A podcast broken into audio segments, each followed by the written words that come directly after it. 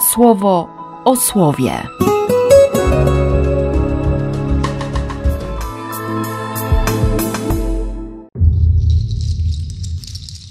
Trzynasty stycznia, czwartek.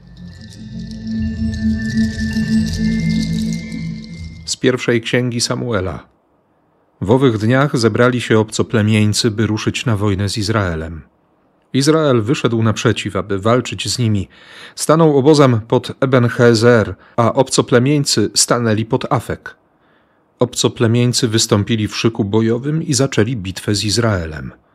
Walka przechyliła się na ich korzyść. Mężowie Izraela zaczęli ustępować przed obcoplemieńcami. W tym starciu padło na polu cztery tysiące ich mężów. Gdy lud wrócił do obozu, starszyzna Izraela naradzała się, pytając: Dlaczego Pan nas dzisiaj poraził wobec obcoplemieńców? Weźmy z Shilo arkę naszego Boga. Niech wyruszy pośrodku nas, to będzie nas osłaniać przed ręką naszych wrogów. Posłał lud mężów do Shilo i wzięli stamtąd arkę Pana zasiadającego na cherubach. Przy arce byli obaj synowie Helego, Hofni i Pinchas. Kiedy arka Pana przybyła do obozu, cały Izrael zaczął wołać tak gromkim głosem, że aż ziemia drżała. Gdy ten krzyk usłyszeli obcoplemieńcy, pytali, co znaczy ta wielka wrzawa w obozie Hebrajczyków. I dowiedzieli się, że to arka Pana przybyła do obozu. Wtedy strach ogarnął obcoplemieńców.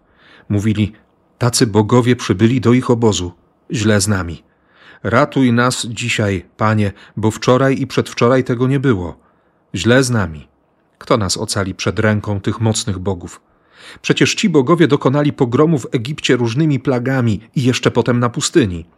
Trzymajcie się dzielnie, obcoplemieńcy, i bądźcie mężni, abyście się nie stali niewolnikami Hebrajczyków, tak jak oni byli naszymi niewolnikami. Bądźcie mężni, walczcie z nimi. Stanęli zatem do walki z nimi i uległ Izrael. Każdy z nich uciekał do swojego namiotu. Doszło do ogromnego pogromu. Poległo z Izraela trzydzieści tysięcy zbrojnych. Zdobyta została także Arka Boga. Obaj synowie Helego, Hofni i Pinchas, polegli.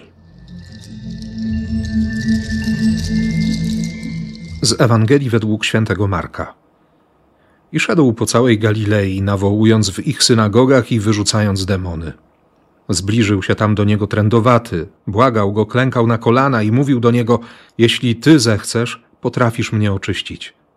Zdjęty litością wyciągnął rękę, dotknął go i powiedział mu: Chcę, stań się czysty.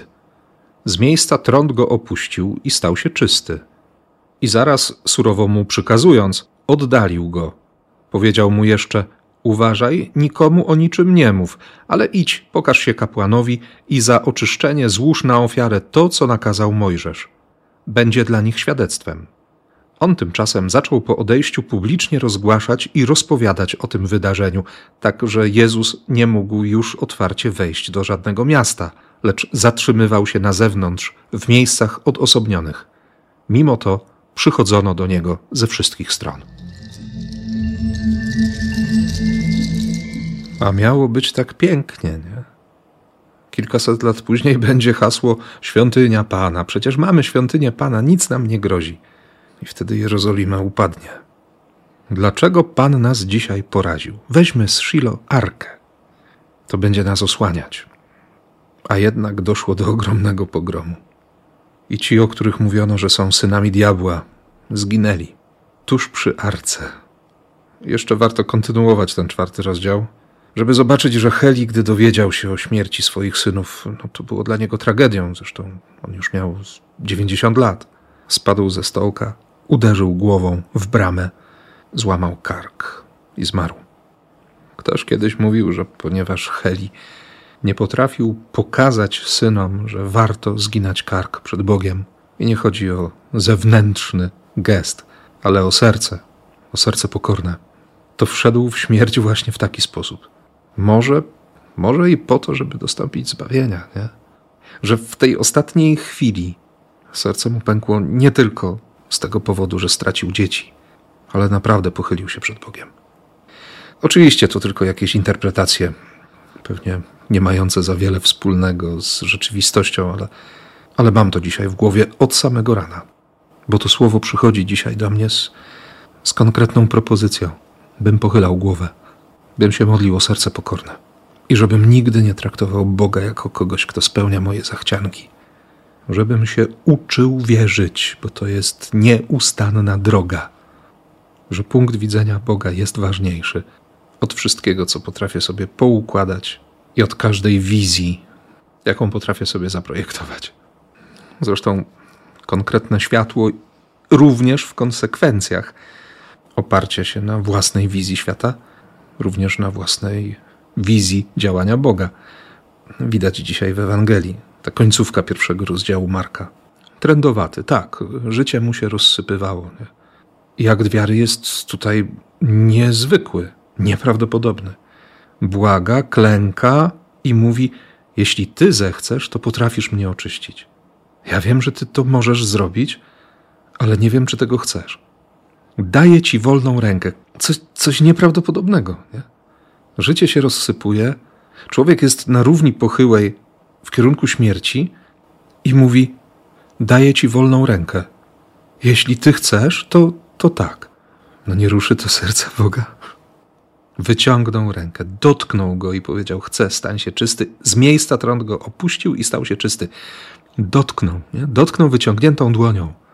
Dzisiaj, kiedy tak się walczy o dotyk, o przytulenie, o, o bliskość, no czasami dotknąć kogoś jest, jest aktem odwagi, ale tu się dzieje o wiele więcej. Jezus w siebie przyjął trąd tamtego człowieka. I konkretny nakaz: uważaj nikomu o niczym nie mów. Zrób to, co, co należy zrobić. No ale, ale tamten miał lepszy pomysł. I Jezus był traktowany jak trendowaty. Nie mógł otwarcie wejść do żadnego miasta. Zatrzymywał się na zewnątrz, w miejscach odosobnionych. Jak trendowaty. Sam akt wiary nie wystarczył. Zabrakło posłuszeństwa. Z taką samą intensywnością, pokorą i zaufaniem słuchać słowa Boga przed cudem i po cudzie. A jeśli cud nie przychodzi, to, to dalej wierzyć, dalej ufać. Na szczęście Marek zaznaczy, że mimo to przychodzono do Jezusa ze wszystkich stron. Być z Jezusem mimo wszystko. Pomimo tego, że, że wydaje się odpychający, że bycie z nim jest ryzykiem, że można być traktowanym jak trendowaty, że dziś to wybitnie nie jest trendy. Bogu dzięki, że jest Kościół, który ma tę wiarę i w którym mogę się przekonać każdego dnia, że Bóg jest miłością uzdrawiającą, jest miłością miłosierną, że On jest Bogiem, nawet jeśli nie ma jakichś spektakularnych znaków. On jest. I to naprawdę wystarczy. Więc, żeby nam wiary nie zabrakło, błogosławię. W imię Ojca i Syna i Ducha Świętego. Amen. Słowo o słowie.